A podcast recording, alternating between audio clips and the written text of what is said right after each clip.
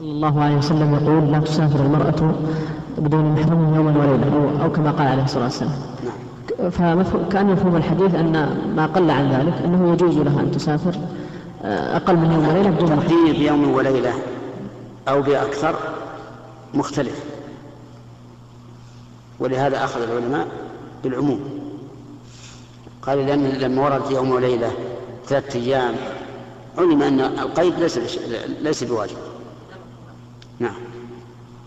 والله أعلم صلى الله وسلم على نبينا محمد وآله وأصحابه أجمعين.